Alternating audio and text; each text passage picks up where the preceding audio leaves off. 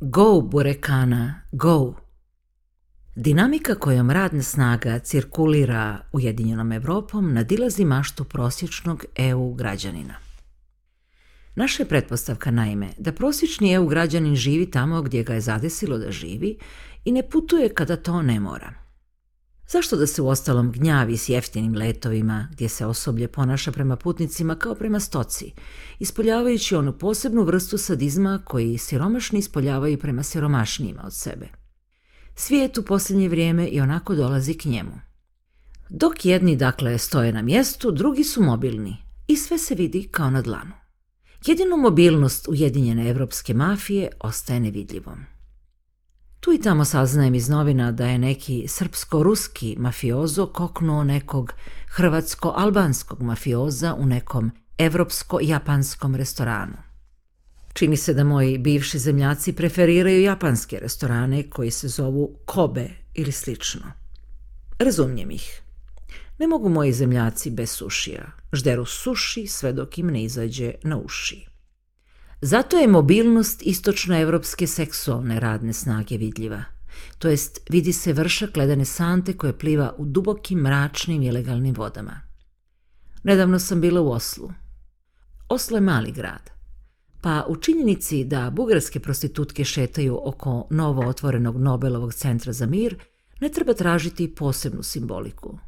Šetkaju se one posvuda, oko hotela opera, koji se nalazi pored samog željezničkog kolodvora, a željeznički kolodvor nalazi se u samom srcu Osla, baš kao i Nobelov centar za mir. Pitam se, zašto baš Oslo? Kao da su EU pimpovi donijeli neku tajnu rezoluciju o podjeli evropskoga teritorija, pa je južnim bugarkama pripalo sjeverno Oslo.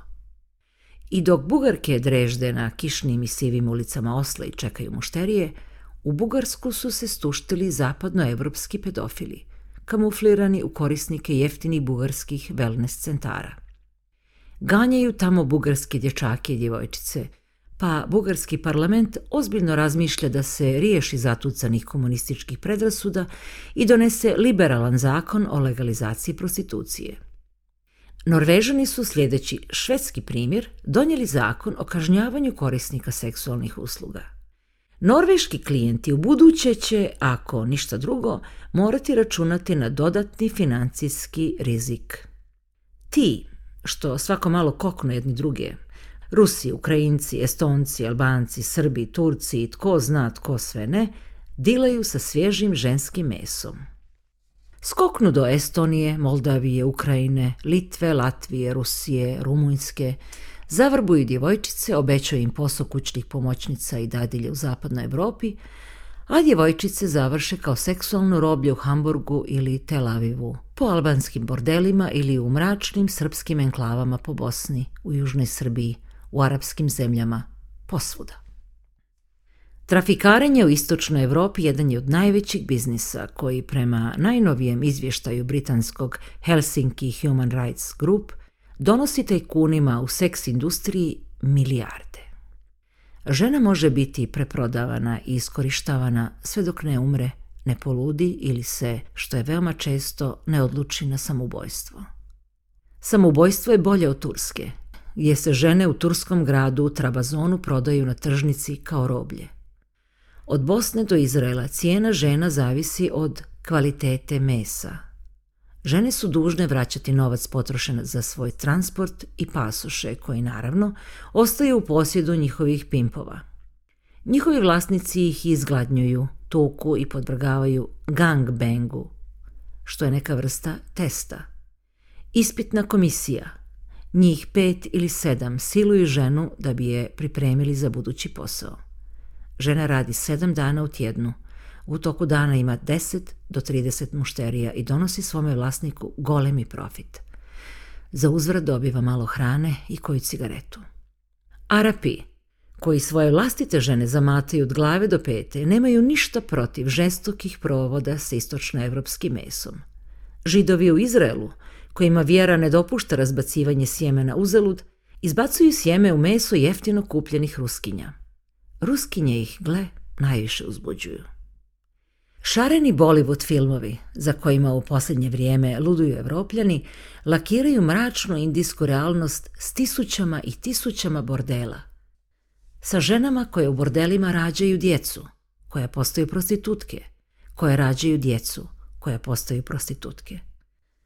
Bogati ruski mafiozi, priča se, imaju svoju vrstu zabave. U svojim saunama koriste gole djevojke kao stoliće za papeljare – Djevojke kleče i drže na leđima pepeljare u koje ruski muškarci odlažu svoje cigare. Globalno trafikarenje, koje ima svoje uhodane puteve i savršenu organizaciju, gdje su žene seksualno roblje koje donosi zaradu veću od trgovine drogom i neusporedivo manji rizik, jedna je od najstrašnijih realnosti suvremenog svijeta. Prema službenim statistikama, oko milijun žena godišnje postane žrtvama trafikarenja. Svake godine milijun novih žena biva pretučeno, silovano, obespravljeno, pretvoreno u seksualno roblje i podvrgnuto najstrašnijim poniženjima. Svake godine na tom novom milijunu žena bogate se muškarci preprodavajući njihovo meso drugim muškarcima. Žene ne zarade ništa. Njihovi bosovi tretiraju ih gore nego pse. Pritom je svijet i njegova muška i njegova ženska polovica zabavljen tricama, lokalnim i globalnim. Cijel svijet digao se na noge zbog karikature Muhameda objavljene u danskim novinama. U isto to vrijeme milijuni žena žive život gori od psećega i nema nikoga tko će krenuti u protestni marš za njihova prava. Za te žene ne brinu ni religijski oci, ni korisnici njihovih usluga, ni oni koji zarađuju na njima, ni policija, ni državne vlade, nitko osim tihih anonimnih popravljača svijeta, jednako tihih i anonimnih kao što su one same. U svoj toj pregolemoj i prestrašnoj globalnoj nesreći nađe se i poneko zrnce gorke sreće, baš kao u srceparajućoj američkoj filmskoj bajci Zgodna žena. Odmah su ga prozvali Gianni Piraneze, jer se pojavio u rijeci s velikim pirinejskim planinskim psom – Piranese je bio mališni muškarac, jedva metar i pedeset. Šta da se radi? I njegovi su roditelji dosezali jedva metar i pedeset.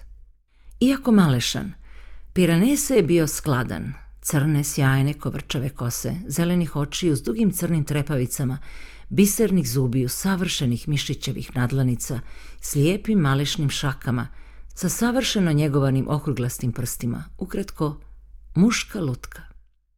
Upisao je prvu godinu zubarstva u Rijeci, kao i mnogi Italijani. Kažu da je doći do zubarske diplome u Hrvatskoj mnogo lakše nego u Italiji. U Rijeci je iste sekunde stekao hordu prijatelja. Nedostatak centimetara obilno je kamuflirao lovom. Plaćao ručkove i večere, provode i zabave i dijelio uokolo skupe poklone. Ubrzo je za njim došla i Burekana. Burekana je bila Albanka, velika, snažna žena – tri puta veća i šira od Piraneza. Nadjenuši albanki nadimak Burekana, lokalni dečki, imaginativni kakvi već jesu, imali su vidu njezinu veliku stražnicu, koja ih je posjećala na limene tepsije u kojima lokalni albanci peku burek. Burekana se u Italiji obrela kao prostitutka, koju je tamo dovela albanska mafija. A kako je naletjela na Piraneza i kako je uspjela pobjeći mafiji, nitko nije znao. Bila je mirna, šutljiva i spora djevojka i nije se odvajala od Piranesea. Više je sličila na njegova tjelohranitelja ili na pirinejskog planinskog psa nego na njegovu djevojku. Uostalom, to je i bila. Nosila bi ga na rukama kući kad bi se ovaj napio, a napijao se svakodnevno. A onda su jednoga dana nestali. To jest, Piranese je nestao, a Borekana se vratila u Italiju. Što se zapravo dogodilo, nitko nije znao. Kolale su razne priče. Neki su Piranesea vidjeli u Barceloni, neki u Madridu, neki u Parizu. Piranesea je dotukao alkoholizam, što i nije bilo teško ako se uzme obzir njegovo tijelce i količine alkohola koje je ulio njega. Sve u svemu Piraneze je izgorio kao šivica. Velika, mirna i šutljiva burekana živi s njegovim roditeljima – brine o dvoje mališnih staraca slomljenih srca, nesebično i predano. Brine je o pirinejskom planinskom psu, jedinoj dobroj uspomeni na Piranezea. Starci na ovome svijetu nemaju nikoga osim burekane, pa će joj nakon svoje smrti ostaviti sve što imaju. A imaju priču se toliko da njihovo bogatstvo može hraniti pola burekaninih albanskih zemljaka. I Čiča Miča gotova je priča. Go, Burekana, go. Kolovoz 2007.